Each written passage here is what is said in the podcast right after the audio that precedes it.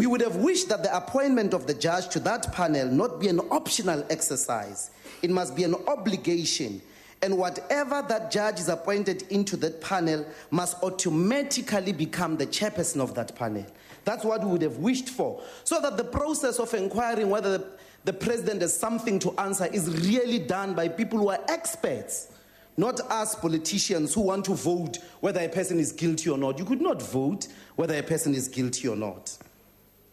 But what this rule really does, it says that the days where presidents like the constitutional delinquent Jacob Zuma, who violated the constitution, that when such people have done so in the way that Zuma did, it will no longer happen without consequences.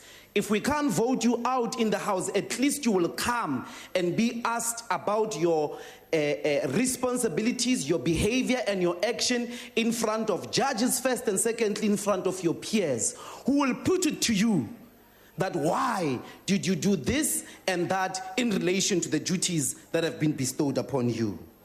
And it seems that the next person who must be taken through this process is Ramaphosa.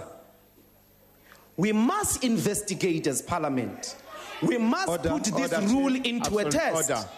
In terms of uh, Rule 85, the Honorable Ndlozi is casting uh, aspersion on the good uh, person of the President. It is unacceptable. He has got to withdraw. Thank you.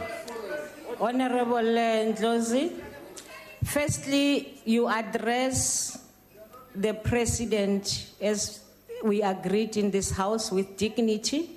Secondly, you are casting aspersions on the president by implying that he must be the next one. Would you please withdraw that part? House Chairperson, with the greatest respect, I've not accused him of anything. No. I am suggesting that the Honorable President Ndlozi. confess to Parliament that Honorable, he has received a donation Honorable after Ndlozi. having said that he didn't. And therefore, it is my suggestion that we must test this rule of impeachment on him. Point of order. Honorable. Ndlozi, Honorable Ndlozi, I Then we can said that determine. is, you, that's not what you said in the That's what beginning. I'm saying. No, now, now I'm going to say to you, please withdraw your first statement that I've asked you to withdraw. Which is what, Honorable Chairperson? What's the That- statement that I must withdraw? Honorable Ndlozi, please. No, You I want- said I'm going the to next withdraw it. person that should go through that process is Ramaphosa. That's what you said. And that's And uh, I want you to please Aye. withdraw that statement That's because. not casting aspersions. All What right, is Honorable aspersions, guys? please withdraw. Honorable Chairperson, Honorable- there's no aspersions there. What Honorable are the Ndlozi. aspersions? Honorable Ndlozi, What are the aspersions? Honorable I am Ndlozi, saying we must test the rule. that's what you're explaining On now. a point Can you of order, please House Chair. withdraw? On a point of order. Honorable member, I'm dealing with the member on the podium. Yes, and I'll I'm come trying to to you. assist. I'm No, no, trying no, to no. assist, I eh. don't need your assistance. Honorable Ndlozi, please withdraw. Honorable House Chairperson, I have not cast Honorable any Ndlozi, aspersions. will you please withdraw? How can I withdraw that I'm suggesting a person Honorable must be taken through a Ndlozi, process? you are not going to withdraw?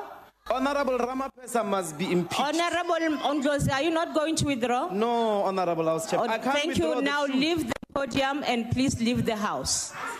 The House. Or leave the podium and leave the house. Honorable Ramaphosa. Mara House Chair, you are just too harsh. Honorable member, You take are your really seat. harsh.